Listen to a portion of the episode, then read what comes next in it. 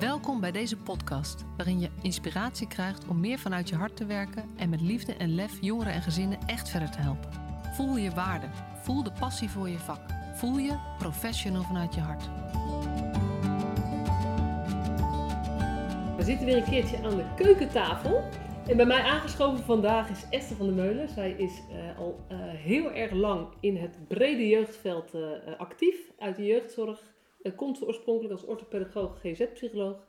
Eh, maar nu al jaren werkzaam in de gehandicaptenzorg bij Ipsen de Brugge. En eh, nou ja, je bent eh, helemaal bevlogen over integrale zorg. En eh, daarvoor heb ik je uitgenodigd in deze podcast. Ja. Welkom. Dankjewel. De eerste vraag die iedereen krijgt. Ben jij een professional vanuit je hart? Dat ben ik zeker, een professional vanuit mijn hart. Eh, toen ik eh orthopedagogie ging studeren, heel lang geleden inmiddels, gezien mijn leeftijd, ehm, nou, heb ik nooit getwijfeld eh, eh, dat dat mijn beroep moest worden, omdat ik ja, van betekenis wilde zijn voor kinderen ehm, nou, die niet zo makkelijk opgroeien of niet makkelijk opgroeien eh, en iets extra's nodig hebben om zich goed te kunnen ontwikkelen, om het maar zo te zeggen. Dus, en tijdens mijn studie ben ik in een gezinshuis, de oppas zeg maar, geweest. En van vier hele moeilijke kinderen. En daar werd ik eigenlijk hele, meteen bevestigd in dat ik een goede keuze had gemaakt. En, eh, en ik heb van huis uit wel meegekregen eh, nou ja, dat er ook veel kinderen zijn ja, die niet gewoon in een gezin opgroeien. Of eh, met ouders die wel nou ja, oplettend zijn enzovoort. Dus... dus mijn passie ja, ligt echt, echt bij de jeugd. Ja. Ja. En is dat, die studie, is dat nog bewust pedagogiek geweest in plaats van psychologie? Of was het Eh, meer een lucky choice? Nee, dat is wel een, echt een keuze geweest. Psychologie was, is, of was of is toch een wat massalere en wat meer technische studie. Eh, en orthopedagogiek, nou ja, dat is de leer eh, van de, nou ja, lastig verlopende opvoeding. En eh, niet zo heel lang geleden zei een oud collega van mij: Ik kan echt merken dat jij een orthopedagoog bent, want jij ziet altijd mogelijkheden. Eh, en ja, ik denk bij psychologie, eh, ja, dan ga je toch wat meer uit van het stoornisdenken. Of wat er niet goed is en wat, nou ja, gerepareerd of moet worden. En ja, bij orthopedagogiek eh, kijk je ook altijd naar de hele context, zeg maar. Ja. Dus dat is, nee, ik heb nooit, eh, ik heb altijd orthopedagogiek, dacht ik, dat is mijn, Ja. eh, mijn dat is ding. wel grappig, want dat was voor mij ook zo. Maar ik ben dus ook bewust nooit GZ-psycholoog geworden. Want dat wilde ik toen niet. Want toen moest ik toch die, dat stuk erbij gaan pakken Ja. waarom ik eigenlijk niet wilde kiezen. Maar Ja. jij hebt dat wel gedaan. Nou, ik heb, ik heb in de overgangsregeling heb ik de GZ-registratie gekregen destijds. Ik deed heel veel toen ambulante eh, diagnostiek. Dat vond ik ook heel leuk. Een puzzel leggen van hele ingewikkelde gezinssystemen. En, eh, eh, en op basis van mijn werkervaring destijds, toen kwam ik, dacht, GZ-psycholoog, wat zal het zijn, wat zal het worden? Uiteindelijk op de laatste dag, om tien voor vijf, heb ik toch de, de aanvraag gedaan. Zo'n stapel papieren. En je moest overal werkgeversverklaringen vandaan halen. En eh, nou ja, ik heb er eigenlijk nooit spijt van gehad. Dus ik heb niet SEC de opleiding gedaan, maar mijn werkervaring eh, ja, was misschien nog wel meer dan eh, wat, wat in de opleiding zit. En dat kun je natuurlijk, ja, dat is bijna onbetaalbaar. Ja, als je zoveel praktijkervaring hebt opgedaan. Dus ik heb, ik heb niet de opleiding ervoor Nee. doen. Nou, ik, ik, heb toen, ik had nog in aanmerking kunnen komen voor een overgangsregeling en dat. Maar ik heb dat toen laten lopen. Oh, ja. En af en toe wel eens gedacht, oh, had ik toch. Want nu is, het, nu is het best wel beperkend als je het niet hebt. Ja. Maar goed, Ja, ik ben nu, eh, nou ja, ik, ik zit nu niet meer als uitvoerend Nee. eh, eh, gedragswetenschapper in het veld. Dus dat is dan weer fijn. Nee. Maar je ja, weet je, een hele brede werkervaring. Ja, kan je in vogelvlucht eens vertellen wat je gedaan hebt en, en ja, wat je daarin zelf naar voren wil laten komen? Ja. Want anders eh, zit de Ja. podcast vol met je Ja, werkervaring. nee, dat klopt. Nee, nou, ik ben ooit begonnen als groepsleidster en daar heb ik altijd nog elke dag plezier van, omdat ik eh, in mijn periode als, dat ik als eh, gedragsdeskundige werkte of GZ-psycholoog, ehm, ik keek altijd naar hoeveel mensen zijn er op de groep. Dit is er nu eigenlijk nodig, maar is het ook realistisch en uitvoerbaar voor mensen op de werkvloer? Ik had namelijk zelf de ervaring als groepsleider dat een eh, gedragsdeskundige allemaal dingen zei dat ik zei, ja, het is echt heel leuk dit advies, maar die acht kinderen, andere acht, moet ik die opsluiten of zo? Als ik dit ga doen met dat ene kind. Eh, Ehm, dus dat is wel, denk ik, een hele uh, aardse basis geweest voor mijn werk als gedragsdeskundige. Uh, toen heb ik jarenlang als gedragsdeskundige gewerkt bij uh, verschillende organisaties. Eigenlijk wel altijd aan de zorgaanbiederskant. met heel veel plezier uiteindelijk 2004 de stap gemaakt van de open jeugdzorg naar de gesloten jeugdzorg. Lindhorst in Zeist. Uh, en daar heb ik een aantal jaren uh, als behandelcoördinator gewerkt. En daarna ben ik gaan leiding geven. Dat doe ik inmiddels 15 jaar. Uh, nou, en ik zeg altijd, ik ben nooit een specialist geworden uh, van de therapie en, en, dat soort dingen. Ik ben altijd een generalist gebleven. En het leidinggeven zit mij in mijn bloed. en dat is best een bijzondere combinatie voor een GZ-psycholoog. Uh, die dat ook gewoon wil, mensen aansturen. En die ook de niet leuke dingen daarvan wil doen. Uh, en toch heb je een hele goede inhoudelijke basis om uh, nou ja, teams, professionals aan te sturen. en dat vind ik nog steeds heel erg leuk om te doen. Ja. In de laatste jaren, je werkt al een tijd bij IPSE, de Brugge. Ja, vier jaar bijna. Ja, ja. ja, en dat is een organisatie in de gehandicaptenzorg.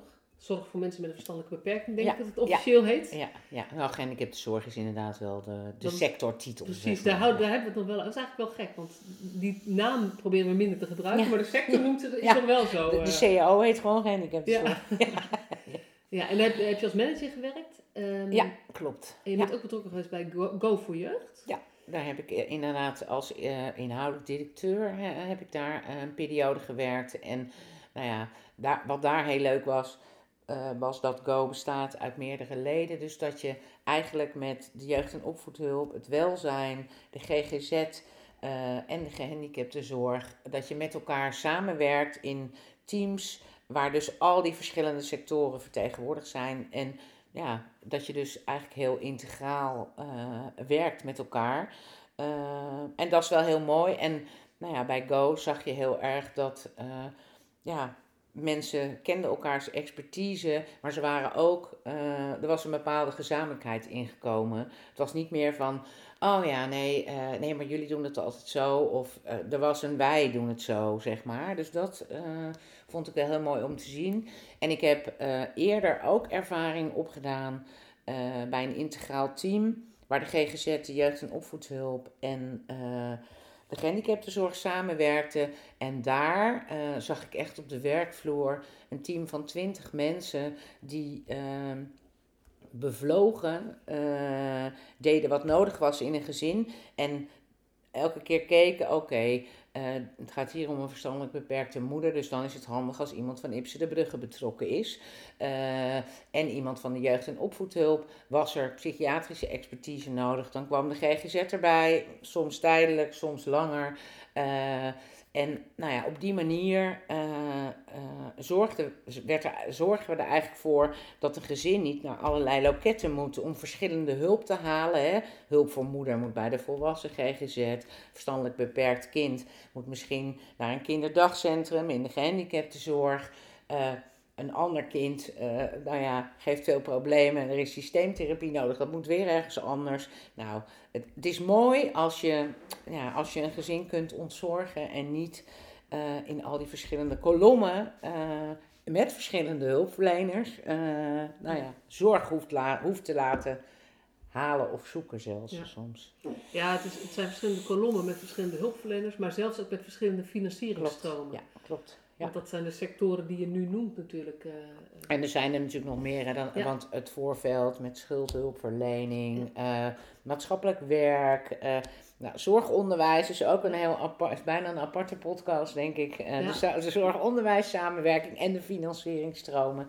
Ehm, maar goed, ja, in de praktijk denk ik als professionals met elkaar goed kunnen samenwerken om een gezin verder te helpen ja, eigenlijk uh, is de achterkant, hè, dus de financiering of de geldpotjes, ja, regel het uh, hè, in een organisatie of uh, maak je er hard voor. maar daar moeten cliënten zo min mogelijk last van hebben. Zo kijk ik daarnaar. Maar goed, dat is een ingewikkeld nou ja, onderwerp. Sterker, weet je, je vindt dat cliënten, maar je vindt ook dat professionals er zo min mogelijk last van moeten ja, hebben. Ja.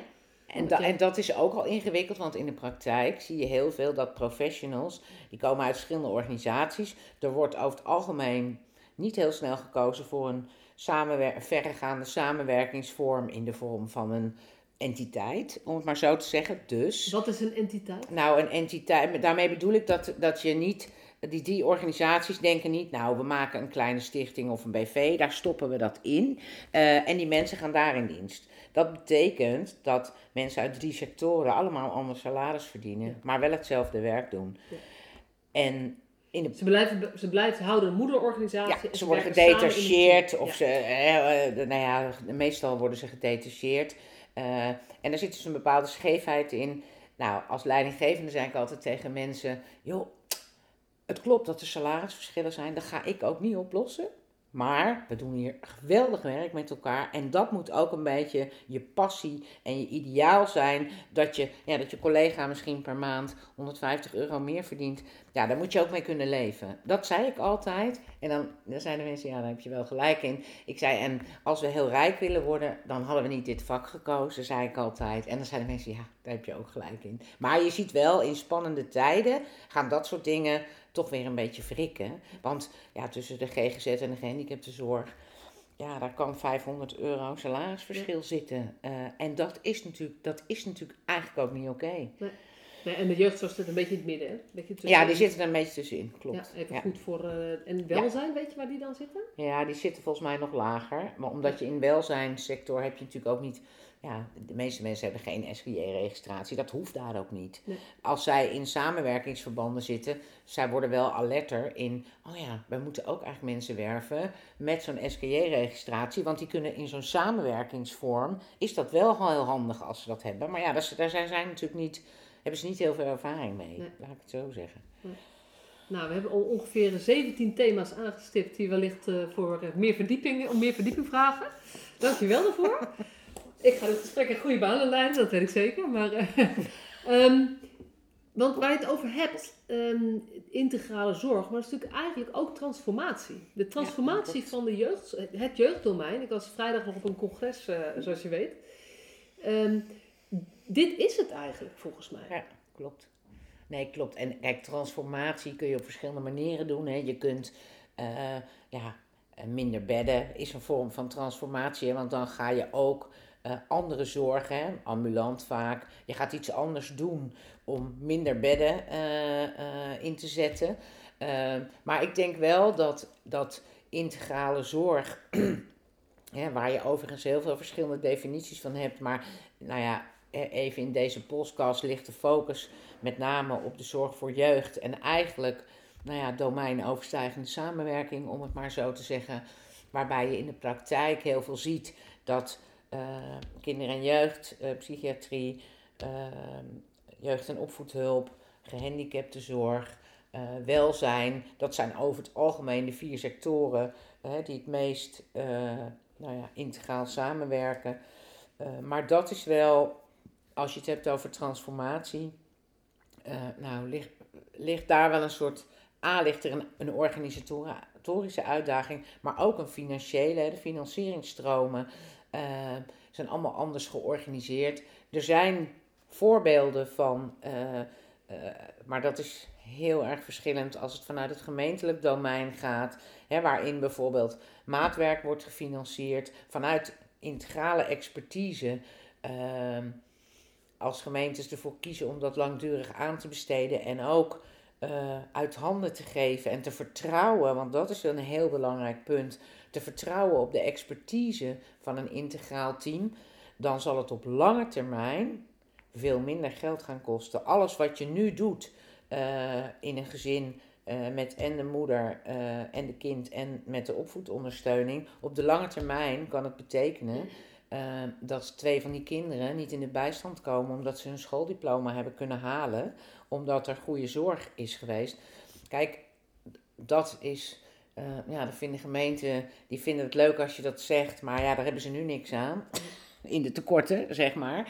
Uh, maar ik ben er echt van overtuigd dat hoe meer uh, we integraal gaan werken en allerlei schotten kunnen beslechten en het geld erachteraan laten komen of halen, hè, maar daar moet je, dat moet je ook willen. Je moet het aangaan, want het is ingewikkeld. Uh, maar ik ben ervan overtuigd dat het ook geld gaat opleveren. Alleen niet morgen en ook niet volgend jaar. Eh, het gaat wel eh, voor gezinnen veel opleveren en veel minder zorg op de lange termijn, denk ik. Ja, ik ben het helemaal met je eens. Dat, het verhaal wat ik hield vrijdag bij dat uh, dingen ging ook over dat... In mijn visie zijn we allemaal met z'n allen te veel op de korte termijn gericht. En dat, dat is zowel binnen trajecten als uh, wat, wat organisaties doen op dit moment, maar ook vanuit de overheden, uh, uh, gemeentelijke en landelijke overheid. Dat er heel erg gekeken wordt naar het hier en nu. Wat ik wel mooi vind wat je zegt, het is niet alleen investeren in de jeugd, maar het gaat eigenlijk over investeren in het gezin, sector, domein overstijgend. En dat is voor mij een heel groot verschil. Ja, nee, en ik denk dat hè, volwassenen er is natuurlijk veel wetenschappelijk onderzoek gedaan naar uh, bijvoorbeeld kinderen die opgroeien bij een ouder met psychiatrische problematiek, lopen veel meer risico uh, om in hun uh, ontwikkeling ja, problemen te krijgen, op wat voor manier dan ook. Hè. dus als je zorgt dat die ouder goede ondersteuning uh, uh, heeft. En het hoeft echt niet altijd heel duur te zijn, maar soms ook heel langdurige ondersteuning. Uh, om juist te zorgen dat de context van het gezin goed in stand blijft. En moeder niet psychotisch wordt of stopt met medicatie of dat soort dingen. ja, dan kunnen die kinderen zich ook over het algemeen beter ontwikkelen. en dat zijn wel echt. want ik denk dat de inzet van uh, volwassen psychiatrie binnen het integrale zorg, dat is ook nog wel een aandachtspunt, omdat je ziet dat binnen GGZ-organisaties, uh, ja, dat is weer een aparte tak, de volwassen GGZ. Nee, en, dat is, en die, nee, als een moeder geen toestemming geeft om informatie te delen. Dus, dus ook daar, binnen de GGZ, is ook nog wel iets te doen, in de zin van, als je een integraal team start of ontwikkelt, uh, ja, zorg dat je ook toegang hebt tot uh, nou ja, hulp of inzet uh, voor volwassenen. Want als je dat niet hebt, dan ga je toch met de kinderen, met de opvoeding aan het werk. Maar als die moeder ja, echt grote problemen heeft, dan kom je niet verder, omdat die moeder niet, die moeder niet kan lukken door haar ziektebeeld soms of door haar stoornis, om, nou ja, om dat allemaal in de praktijk te brengen en vooral vol te houden. Want dat ja, maar, maar dan wordt het... Ja, ik, ik had hem zelf wel opgeschreven met je lijstje net van de kinderjeugdpsychiatrie. Oh. Dat ik de missing link is de volwassen psychiatrie slash verslavingszorg. Wat natuurlijk ja, is ook, ja, die zitten vaak ook wel in maar één... de, de, ja. de psychiatrietak zou, is ook groter. De psychiatriezorg is groter. Maar um, eigenlijk gaat het dan ook nog... Het gaat niet alleen sec over de medische psychiatrische zorg voor deze mensen. Maar het gaat eigenlijk ook over alles wat de gemeente organiseert... om deze mensen het leven te laten leven. Dus dan gaat het ook over schuldhulpverlening. Dan gaat het, het ook, gaat ook, over, de, participatiewet. Ja, het gaat ook over de huishoudelijke hulp. Als het gaat over BMO. En, en het gaat dus over heel veel over het volwassen domein. Ja, als je echt anders wil kijken, zou je, um, als je het hebt over transformatie, jeugdhulp of integrale zorg. Maar dan moet je niet hebben integrale zorg jeugd, maar integrale zorg voor gezinnen. Ja. ja. En dan krijgen we ja, toch een heel ander plaatje. Wat ook weer uh, mij heel veel hoop geeft als we zo kijken. Maar wat het ook veel ingewikkelder ja, maakt. Nou, en, en dan hebben we, eh, welke we nog niet hebben gedaan, maar die is ook essentieel. En dat is ook een grote uitdaging. De samenwerking met het onderwijs. Want dat is ook nog echt, uh, als je geen startkwalificatie uh, haalt in dit land uh, ja, word je, word je, het klinkt even heel, uh, ja, misschien wel heel bout, maar dan word je een kostenpost voor de gemeente over het algemeen. Want dan heb je, kun je ook moeilijk uh, een inkomen vergaren, zeker op de lange termijn. dus onderwijs, om het niet nog ingewikkeld te maken, maar misschien, je zou ook kunnen denken, we gaan het in stukjes hakken. Hè? We, we kunnen niet alles in één keer doen, zeker niet in deze code rood uh, uh, periode toch wel in het jeugdzorgland. Uh, we hebben veel te doen met elkaar en zeker ook samen met gemeenten. het geld.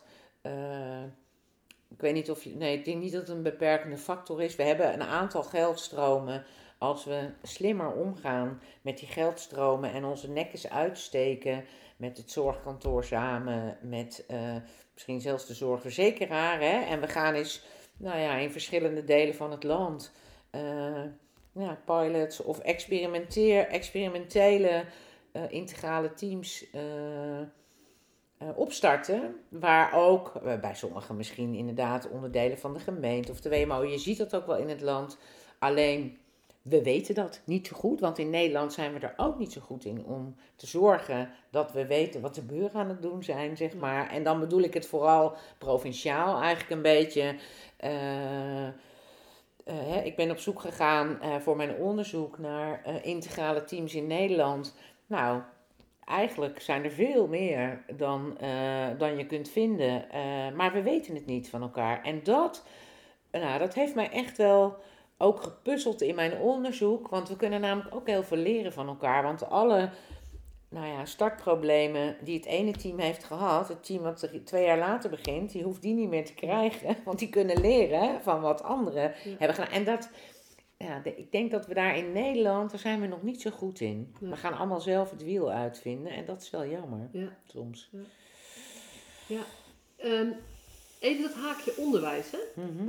Want ik deel met je, uh, ik denk wel eens, we zouden kunnen beginnen met een ministerie jeugd, zeg maar. In plaats van dat we vanuit VWS dingen kijken en dan de medische hoek en dan het welzijnsstuk en dan onderwijs en ander ministerie. Dus dat zou een begin kunnen zijn, maar dan missen we nog de link naar de volwassen psychiatrie.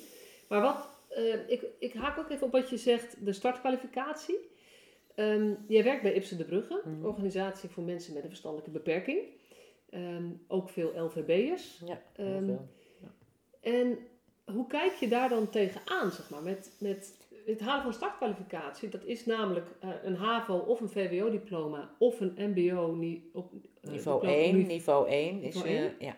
Nee, en je kan, kijk, ook een, kijk, een VMBO met een VMBO-diploma. Laat ik zeggen dat bij de LVB-doelgroep een middelbare schooldiploma al zeer zeldzaam is. Uh, dus dan heb je inderdaad de herkansing van MBO niveau 1. Uh, de complexiteit van de uh, kinderen op het OBC. Uh, hè, die zijn. OBC is? Orthopedagogisch Behandelcentrum, sorry. daar zitten tot 23 jaar zitten ze daar. nou, 18-plussers motiveren. is heel erg moeilijk om nog naar school te gaan. Los nog van het vinden van een goede praktijkschool. Uh, als kinderen niet thuis wonen of niet ingebed zijn in een gezinsstructuur of in een netwerkstructuur of in een pleeggezinsstructuur. Uh, dus dat vraagt echt heel veel. Dat vraagt veel van begeleiders of van ouders, maar dat vraagt ook heel veel van een school. En ik vind, nou, ik denk wel eens ons schoolsysteem, hè, we hebben natuurlijk praktijkonderwijs, maar ja, de doelgroep van eh, LVB'ers die jong uit huis geplaatst worden, die hebben vaak breuken uh, gehad in hun woonplek. Dus die hebben nooit vier jaar op één school. Uh, en dat is, dus dat is een probleem. Maar een vorm van praktijkonderwijs of ja, MBO, wat voldoende steunend is en wat mensen willen volhouden ik wat, zat even een buurvrouw, dus we waren even afgeleid. Maar ze loopt weer weg. ja, ik dacht zo.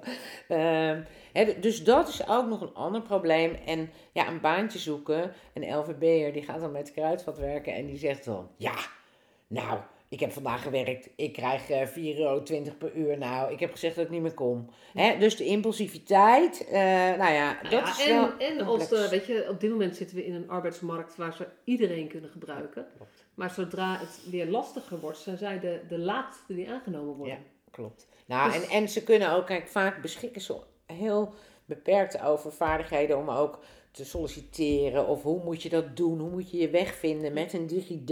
En dat vraagt heel veel van begeleiders om ze daarin eh, te begeleiden. Maar ja, je gaat ze niet in alles begeleiden en dan doen ze net iets verkeerd uh, onderweg naar. Of, uh, weet je, dus, dus dat is wel. En de inclusie uh, nou, daar hebben we sowieso denk ik nog iets gooien we nog, gooien we nog een thema erbij? Nee, nee, maar, maar dat gaat de LVB'ers en inclusie, dat gaat natuurlijk ook over. Uh, wil je ook iemand een kans geven in je bedrijf of op je school? Ook als ze een keer met een stoel gooien, nou, ik noem maar wat. Hè. Maar dat is wel, en ik denk onderwijs. Uh, en je ziet natuurlijk de, de onderwijsstructuren, de samenwerkingsverbanden. Nou, ik vind dat ook een hele complexe wereld, zeg maar, om te snappen. En ja, in het basisonderwijs ja, daar zit natuurlijk ook al een, ja, ja, een soort, uh, moet je dat zeggen? Daar ligt eigenlijk ook een basis voor uh, ja, midden, uh, de middelbare school. Maar dat is wel echt een complex. En de samenwerking tussen zorg en onderwijs. Want sommige scholen verwijderen kinderen, want hun gedrag is te moeilijk. Hoe zorgen we nou dat gedragsspecialisten in de scholen zijn, zodat die kinderen op school kunnen blijven? Want dat is denk ik ook. Uh... Absoluut. Dus, er is echt uh, een wereld te winnen. Want eigenlijk zit er achter, achter onderwijs zit net zo'n zorgstructuur als achter jeugdzorg. Ja. Maar dat is niet. Um, het gaat vaak over dezelfde kinderen. Maar het zijn gescheiden werelden. en, en, Nou goed. Maar en, het is, en het is natuurlijk een gescheiden financiering. Hè? En ik weet wel, uh, bestuurder van een samenwerksverband zei tegen mij, ja, maar ik heb, ik heb geld hè, om dingen te kunnen doen. Dus nou ja, hè, als ik dan wat meer investeer en uh, we zetten op een aantal scholen uh, mensen met verstand van gedrag, zeg maar, in de klas of in de school. Hè. Nou ja, sommige gemeenten doen het natuurlijk. Hè. Dan heb je jeugdmaatschappelijk of schoolmaatschappelijk werk. Ja, ik denk, er moet overal schoolmaatschappelijk werk zijn. Want dat is en de plek waar je jeugdhulp kunt voorkomen met een korte interventie, met... Uh, nou ja, maar goed, het onderwijs is denk ik een hele aparte podcast. Zorg Nee, nee ik, heb, ik heb een podcast opgenomen met, met een docent van praktijkonderwijs. Oh, die ook vertelt over um, hoe het is voor kinderen die op praktijkonderwijs zitten. En voor de kinderen die aan de onder, nou ja, wat toch onderkant van de samenleving, hoe ze, ook, hoe ze het ook ervaren. Dus het thema inclusie vind ik heel belangrijk. Ja. En ook een podcast met, uh, met Kirsten Kuppen, die... Uh, uh, docent van het jaar is, leraar van het jaar is oh geworden voor het MBO. Oh ja. Oh ja. Met hoezo laag opgeleid. Weet je, er zit, er zit, wij doen daar ook iets in. Nee, en, uh, klopt. Daarom haakte ik ook even op. Je zei van we hebben een startkwalificatie nodig. Ja. Want dat is voor een deel van onze uh, jongeren best wel, gewoon een hoge eis. Ja. Ja, hoewel ik denk dat er, dat er uiteindelijk, misschien wel even specifiek voor LVB'ers, meer kansen liggen bij MBO niveau 1. Dan zijn ze wat ouder, dan zijn ze wat dan in de periode als je veel uit huis geplaatst bent of je gaat van plek naar plek, ja, ga jij maar eens een ononderbroken schoolcarrière. Dat, dat, dat, dat lukt niet. Nee, en we weten ook dat iedere schoolbreuk heeft gewoon effect op, op, de, uh, op het leerresultaat. Ja, nee, klopt. En, en iedere verhuizing op zich. Hè? Want dat vind ik ook in de hele praten over uithuisplaatsingen, waar natuurlijk heel veel over gaat nu, over de trauma's. Denk, de, nou ja, daar is heel veel van waar. Maar wat nog te weinig naar voren komt, is dat een, een uithuisplaatsing of een doorplaatsing is ook een verhuizing. Ja, en een verhuizing is een stressfactor op zich. Het is een live event. Het is, een live dat is voor iedereen een live event. Ja. En als je dan voorstelt dat je verhalen hoort van kinderen die op nou ja, drie, vier plekken gewoond hebben of op twintig plekken gewoond hebben, en je voorstelt wat dat betekent. Ja. Maar goed, we gaan terug naar de integrale. Want we gingen het namelijk allemaal proberen te voorkomen met integrale zorg. zorg. Precies, precies. En ik weet dat je daar ook uh, helemaal vol van bent. Ja, en je vertelde ook over een, een, onderzoek voor je afstuderen. Ja. Wat voor opleiding uh, heb je gedaan? Uh, ik heb een master gedaan, de Master of Health Administration bij TIAS. School for Business and Society. Uh, en dat is eigenlijk een opleiding die, uh, het is een MBA-opleiding, uh, maar die zich eigenlijk specifiek op de zorg richt in de breedte. Dus zowel medici zaten in die opleiding, mensen uit de zorg, maar ook mensen uit de farmaceutische industrie. het is een vrij brede groep. Ehm, en voor aan het einde van die opleiding. Mag ik, maar ik moet me dan voorstellen, het is eigenlijk voor, voor leidinggevende, hogere leidinggevende? Nee, niet per se. Leiderschapsdingen? Nee, nee in, in die zin is het heel uh, breed. Hè. Het heeft een hoog wetenschappelijk niveau. Uh, je krijgt ook allerlei internationale uh, dingen. Het gaat over bedrijfsvoering voor een deel. Uh, je hebt keuzemodules, uh, nou die heb ik over leiderschap gedaan, maar daar had je een vrije keuze in. Uh, en verder ging het ook heel erg over het zorgsysteem aan zich in Nederland, de paraplu daarvan, maar ook alle verschillende onderdelen. Nou, wat nu weer heel actueel is, de zorgkosten, hoe dat er over 10, 20 en 30 jaar uitziet, en nou, allemaal dat soort dingen. Dus het was een hele brede opleiding met bijvoorbeeld een internationale studiereis. Uh, die online moest vanwege corona, maar wel met sprekers uit Japan, Australië. Was echt heel interessant om uit alle delen van de wereld. Uh, maar ook Marcel Levy, Sofie In het Veld, weet je, dat soort uh, ja. sprekers. En het is denk ik voor mij een opleiding geweest. Ik ben natuurlijk inhoudelijk opgeleid en ik heb heel veel in de praktijk geleerd. Maar ik had zelf de behoefte om nog wat meer van de harde kant en de abstracte, de overstijgende kant uh, meer te leren. En dat heb ik echt heel erg in deze opleiding uh, gehaald, zeg maar. Nu, nu voelt het meer als balans in kennis. Ja. Uh, de inhoud, nou, daar kan je me s'nachts voor wakker maken, dan kan ik het zo eh, hè, het advies geven. Maar nou ja, die andere kant. eh. en inderdaad, nou ja, een wetenschappelijk onderzoek. eh, nou, dat heb ik uiteindelijk gedaan naar specifiek leiderschap bij integrale zorg. Specifiek voor jeugd heb ik gekozen. Maar ik denk dat het breder toepasbaar eh, eh, is. En dat is in de praktijk, zie je eigenlijk als een integraal team eh, wordt opgericht. Oh, we moeten iemand hebben, een projectleider of een, eh, we moeten iemand hebben die dat team gaat aansturen. Oh, die is wel goed, die zetten we erop. Ehm, nou, ik heb onderzoek gedaan eigenlijk naar een aantal interviews heb ik gedaan met professionals en met leidinggevenden. Ehm, en eigenlijk komt naar voren uit mijn onderzoek ehm, dat een van de belangrijkste dingen die een leidinggevende nou ja, moet kunnen of de competenties voor moet hebben, is dat je eigenlijk eh, meerdere culturen in een team eh, kunt, nou veranderen is niet een goed woord, maar kunt eh, met de mensen samen op weg gaan naar een integrale cultuur in een team. En wij zijn, nou ja, wij doen dit voor deze gezinnen en dat doen wij met elkaar. Of je nou bij Ipsen de Brugge werkt of bij een andere organisatie. Maar dat is heel erg belangrijk in het leiderschap. Dat vinden medewerkers ook heel belangrijk. Dat daar aandacht voor is. Eh, en of dat nou over salarisverschillen gaat of over de ene, eh, in de ene organisatie wordt wel intervisie georganiseerd en in de andere niet. Het maakt niet uit, maar dat een leider in staat is eh, om de mensen met z'n allen dezelfde richting eh, op te laten gaan en ook eh, in die richting te blijven gaan. Want dat. eh, Dus dat het eigenlijk in plaats van ik naast jou, naast jou, naast jou, precies. dat het Ja. veel meer een wij is. Ja. Waarbij je nog steeds verschillend bent. Ja, en expertise. En ex- expertise hebt, ja, dus je mag ja. verschillend zijn. Ja, maar, je, maar dat verschillende voegt zich wel samen tot een meer dan ik plus ik. En ik denk dat het, eh, of tenminste dat, dat komt ook uit het onderzoek naar voren, dat vraagt dus iets van attitude van een leider. Dat vraagt iets, het vraagt ook iets eh, van professionals, hè, want de professionals die ik heb gesproken, eh, die geven ook aan, ja, onze leidinggevende, sommige leidinggevenden bijvoorbeeld, die hebben dan in, in hun eigen organisatie, hebben ze nog zeven andere teams. Ja, dan kan je nooit een integraal team eh, nou, niet goed aansturen is niet het goede woord, maar dan kun je nooit de cultuur die je eigenlijk moet ontwikkelen met elkaar, daar heb je dan gewoon niet genoeg tijd voor. Eh, Maar vind jij dan, of, of weet je, jij weet ook veel over leiderschap, dat Ja. fascineert je ook. Ja.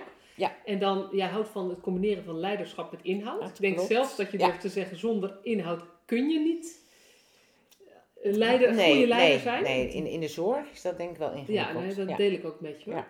Ehm, maar zeg je daarmee ook dat de leider van zo'n team niet in zijn eentje, maar wel de eerste verantwoordelijke is voor zo'n cultuurstuk?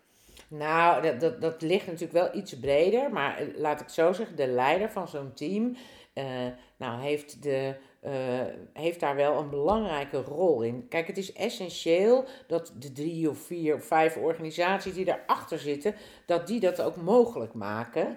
Eh, maar dat betekent dus ook dat die organisaties eh, aan de start van een integraal project goed moeten nadenken. Oké, ehm, nou, we weten, tenminste dat kunnen ze nu weten, wat is belangrijk voor een leider? Oké, hoe gaan we die leider vinden? Op welke manier gaan, in plaats van, oh, die is wel goed inhoudelijk, of die is goed in aansturing, oh, die zetten we erop. En die is ook goed in ingewikkelde dingen, want vergis je niet, schakelen met drie of vier moederorganisaties, dat is best wel ingewikkeld.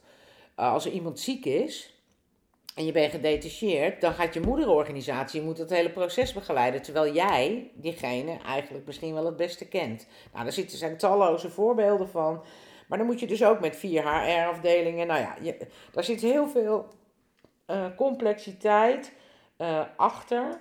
Uh, en ik denk, het zijn allemaal professionals. Dus ja, je moet ook inhoud gedreven zijn. En vertrouwen geven aan mensen.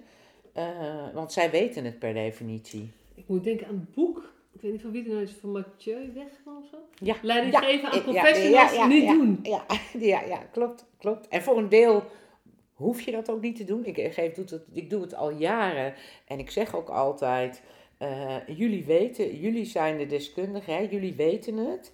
En als je het niet weet of als je verschil van mening hebt, eh, ja, kom dan gewoon. Eh, hè? En dat, eh, en natuurlijk professionals hè, met verschillende expertise en verschillende organisatieculturen die ze meenemen.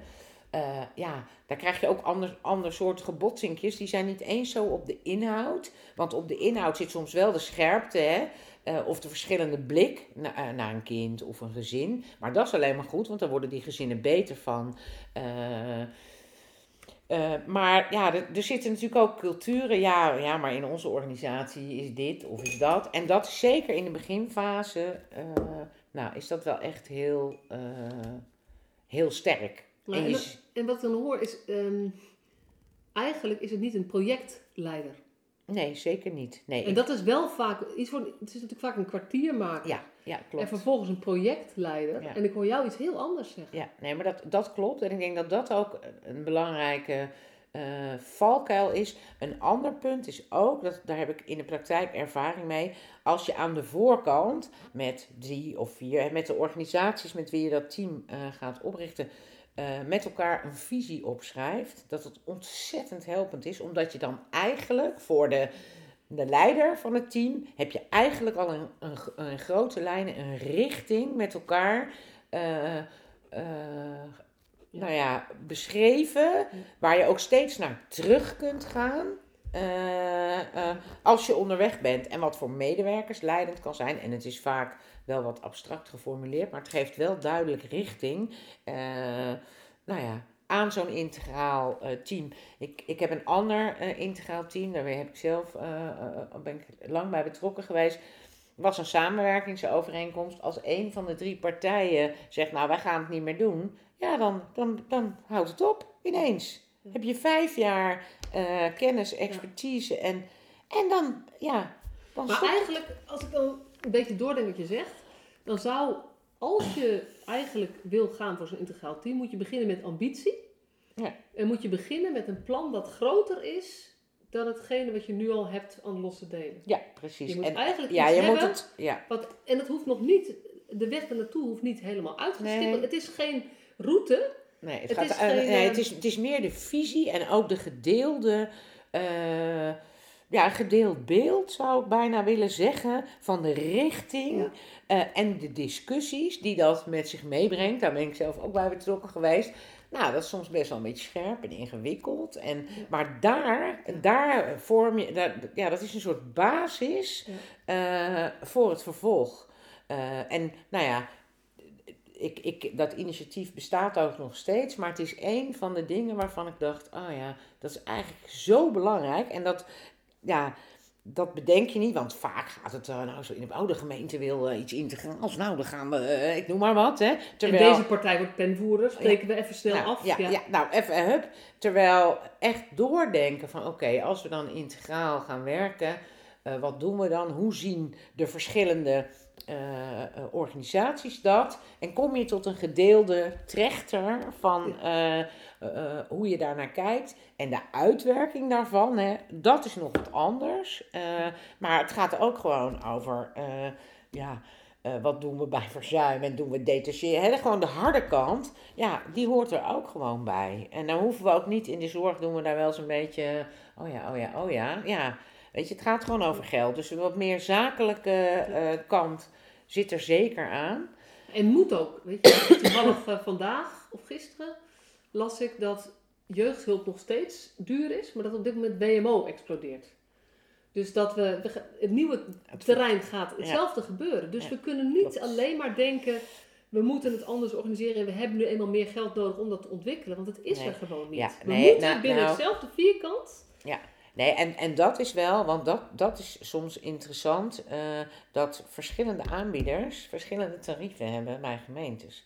En dat, wordt, dat is wel een beetje ingewikkeld als je dan integraal wil aanbesteden. Want welk kijk, de gemeente zal zeggen, nou, ik chargeer het misschien een beetje, nou, doe maar, dat, dan doen we het goedkoopste uurtarief. De aanbieders zullen zeggen de duurste. Ik hou even je hand stil. Ja, ik weet niet of nee. jullie dit horen, maar uh, ik sla op de tafel. het enthousiasme ja. op de tafel. Maar, uh, dus dat is, ja. dat is ook ja, dat is ook echt een wezenlijke Nou discussie. ja, en als je dus over gezinnen hebt, en dan denk ik aan WMO en jeugdhulp, zeg maar, waarbij jeugdhulp een hoger tarief heeft dan WMO gemiddeld genomen. ja, klopt. En als het gaat over begeleiding van gezinnen, dan is dus als je de moeder met psychiatrische problematiek centraal stelt, daar waar je WMO eh, zorg bij moet, dan krijg je min- mensen minder dan wanneer je het vanuit de jeugdhulp insteekt. ja, ja. En dat, ik kan me voorstellen dat dat inderdaad, Ja. eh, die harde kant is echt ook belangrijk om mee te nemen vanaf het begin. Ja, nee, dat klopt.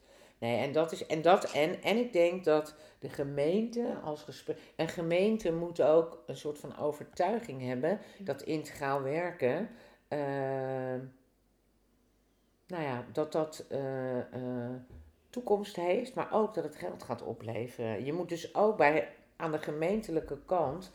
Ja, moet je ook een beetje iemand treffen met, met visie of met lef. En het hoeft echt allemaal niet eh, op hele grote schaal. Maar ja, weet je, als gemeente, eh, laat nou eens minstens eh, voor eh, twee of drie keer drie jaar, eh, ga, durf het ook eens aan om het voor de lange termijn. Hè? Want anders krijgen we ook geen innovatie en transformatie op gang.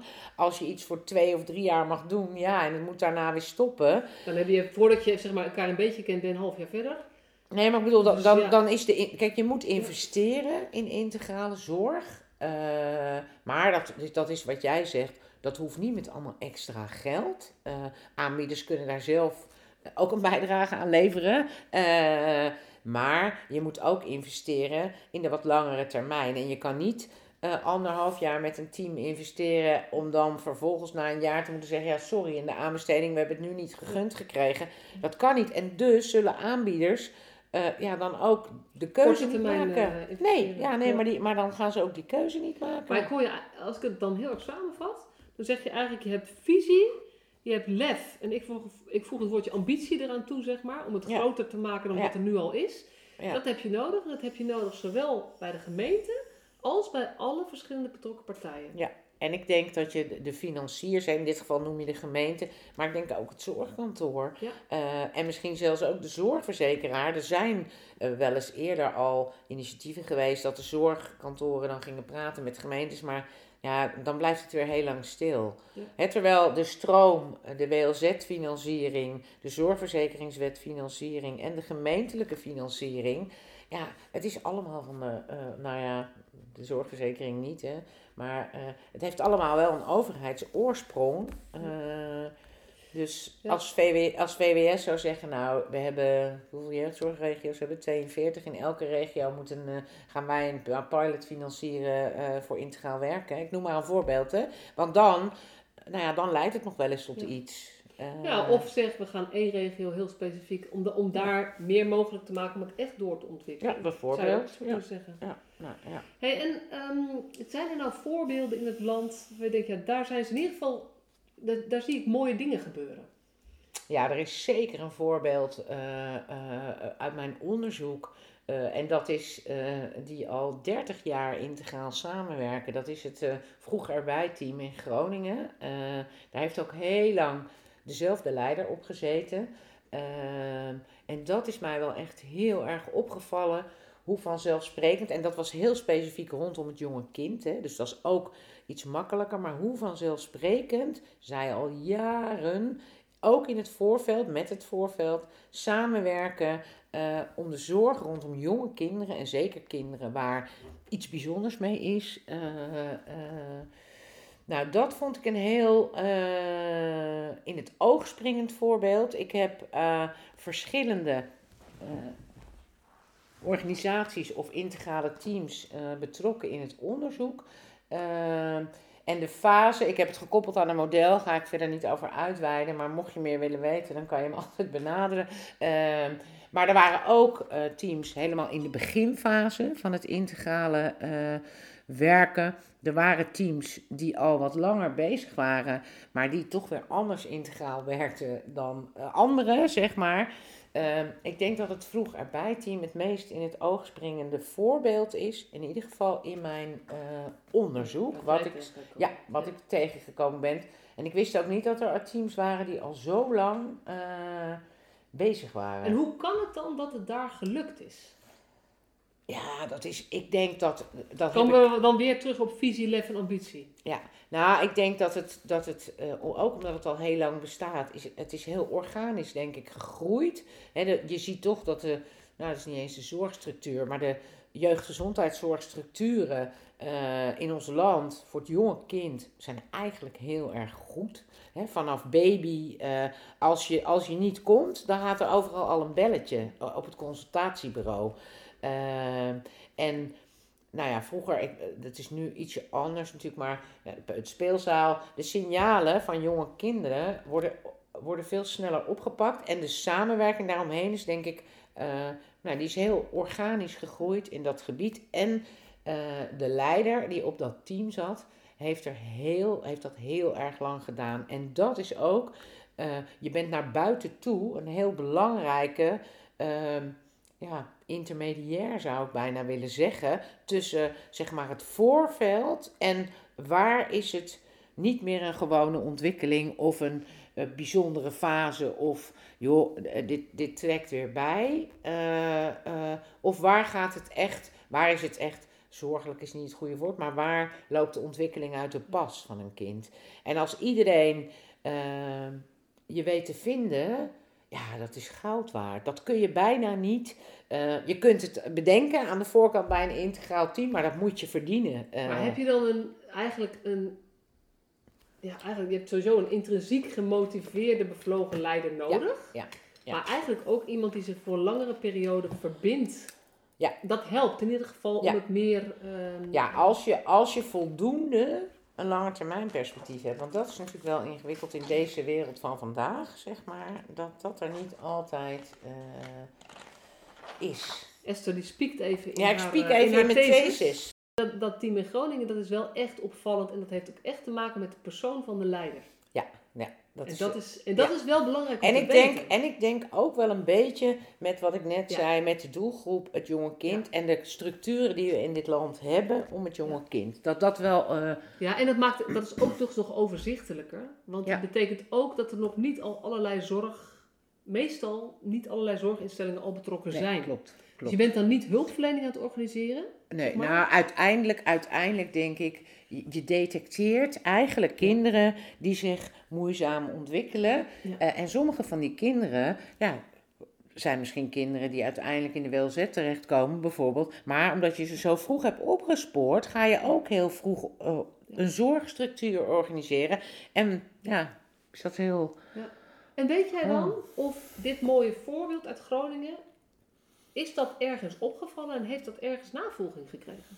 Nee, dat weet ik niet. En ik weet ook niet, dat is ook wel boeiend, eh, eh, behalve de contactpersoon bellen, maar hoe je daarachter kan komen. Want dat is, en dat is, dat is ook een van mijn aanbevelingen geweest, in ieder geval aan het Landelijk Kenniscentrum, van joh, probeer nou, of op regionaal niveau, maar laten we nou toch proberen om het in kaart te brengen. Wat hebben we? Eh, ehm, en dat je dat niet altijd actueel kunt houden, hè, want dat is dan, nou ja, dat zeggen ze dan, ja, dat is ingewikkeld. Al, al noem je ze alleen maar per provincie, ik noem maar wat, hè. En Dat je wie, telefoon... zou, wie zou dan je moeten zijn? Wie, waar zou dit moeten staan? volgens Nou, ik, het Landelijk eh, Kenniscentrum Kinder- en Jeugdpsychiatrie hebben een platform Integrale Specialistische Hulp. Daar eh, staat het op. Inmiddels hebben we natuurlijk eh, nou ja, de gluur in, gluren bij de buren. Zij hebben best wel veel ontwikkeld het afgelopen jaar, online ook, om die verbinding te maken tussen organisaties. En daar zie je wel echt effect van. Ja. Eh, en mensen laten uitwisselen met elkaar. En, eh, En dat komt vanuit de kinder- en jeugdpsychiatrie. nou, het is, het is een samenwerking tussen het Landelijk Kenniscentrum Kinder- en Jeugdpsychiatrie, ehm, eh, het LVB-kenniscentrum dus, en het NJI volgens mij. Dus de, die bundeling heeft daar al wel plaatsgevonden. Die verbinding in ieder Ja. geval. Dat er niet nog een ander. Maar je zou. We hebben een zorgkaart Nederland. Hè? In de ouderenzorg kan je zo zien. En hoe het beoordeeld wordt. En wat er te halen is in die specifieke plek. Ik denk ja, misschien zo. Ik weet het niet. Hè? Maar dat. Ik denk als we het niet weten, hoe kunnen we er dan naar zoeken? Nou, precies. Want jij hebt eh, allerlei missies op dit gebied. En dit is er één van. Ja, klopt. Eh, meer weten. We moeten Ja. meer weten. Ja. Niet per se alleen maar meer lijstjes invullen. Soms ook meer lijstjes invullen. Ja. Maar dan wel echt met het doel om van elkaar te kunnen leren. Ja, want ik vind dat we dat, dat nou ja, misschien tot slot, hè, de, de koppeling van de dagelijkse praktijk eh, aan onderzoek.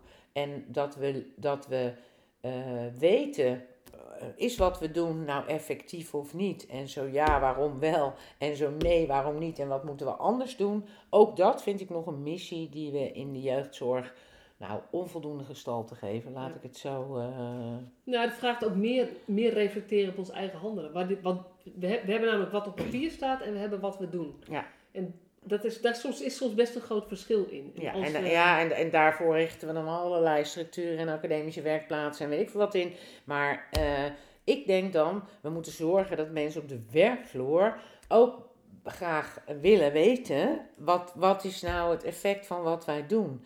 Uh, en dat kan op klein niveau, hè, dat kan ook met casusanalyses of met een kind volgen. Waar is je nou beter van geworden? Maar de samenwerking uh, nou, in de wetenschap en hogescholen, daar is ook nog iets in te verbeteren. Oh, en ze moeten tong afbuiken. want volgens mij zou nou ja, je, je vindt het heel erg leuk om hierover te vertellen. Je zoekt heel erg uh, graag naar mensen die hier ook zo um, uh, nou ja, bevlogen over zijn. Ja. Dus ik hoorde je al zeggen, uh, iedereen mag contact met je opnemen als ze hier meer van willen weten. En zeker, vooral als ze iets mee willen. Ja. Niet alleen willen weten, maar vooral nee, als ze iets mee willen. En heb je dan een specifieke, wat voor soort mensen zoek je dan? Maakt het je eigenlijk niet uit? Nee, maakt me eigenlijk niet uit. Ook mensen die meer, meer, mensen die meer willen weten. Of mensen die denken, oh, maar wij zijn de... Nou, ik, het maakt me niet uit. Weet je, ik, ben, ik word best al veel uh, benaderd. Uh, en het is grappig als je zo'n onderzoek doet en je geeft daar rugbaarheid aan. Ja, dat mensen je toch ook weten te vinden. En ja, dat is wel een van mijn missies. Dat we elkaar beter weten te vinden. Om de kinderen en de gezinnen beter te kunnen helpen. Dankjewel Esther. Superleuk dat je weer luisterde naar deze podcast. Dankjewel. Nog even kort een paar belangrijke dingen. Ten eerste, het is mijn missie dat de jeugdhulp weer een sector wordt waarin bevlogen, liefdevolle professionals jongeren en gezinnen echt verder helpen. Daarom maak ik deze podcast voor jou. Wil jij deel uitmaken van deze beweging van Professional vanuit je hart, waarin professionals elkaar steeds opnieuw inspireren? Begin dan met het lezen van mijn boek. Je kunt de eerste hoofdstukken helemaal gratis lezen. Ga naar professionalvanuitjehart.nl slash boek. Ten tweede, wil je alle podcastafleveringen overzichtelijk onder elkaar? Abonneer je dan op deze podcast. Klik in je podcast-app op de button subscribe of abonneren. En elke keer als er een nieuwe podcastaflevering gepubliceerd wordt, ontvang je automatisch een berichtje. Ten derde, ondersteun je mijn missie? Geef me dan een review via je podcast-app, bijvoorbeeld iTunes of Spotify. Op die manier kan ik nog meer professionals bereiken. En ken je een collega voor wie deze podcast ook interessant is? Dan zou het super zijn als je hem of haar de podcastaflevering doorstuurt. Bijvoorbeeld door de link te kopiëren via Spotify. Ik vind het altijd heel leuk om berichtjes te ontvangen van luisteraars om te horen wat je van een podcast vindt, of als je misschien vragen of suggesties hebt. Of als een aflevering je een bepaald inzicht heeft gegeven of er iets in beweging is gekomen. Stuur me dan even een berichtje op masha.professionalvanuitjehart.nl via de website of stuur me een connectieverzoek op LinkedIn.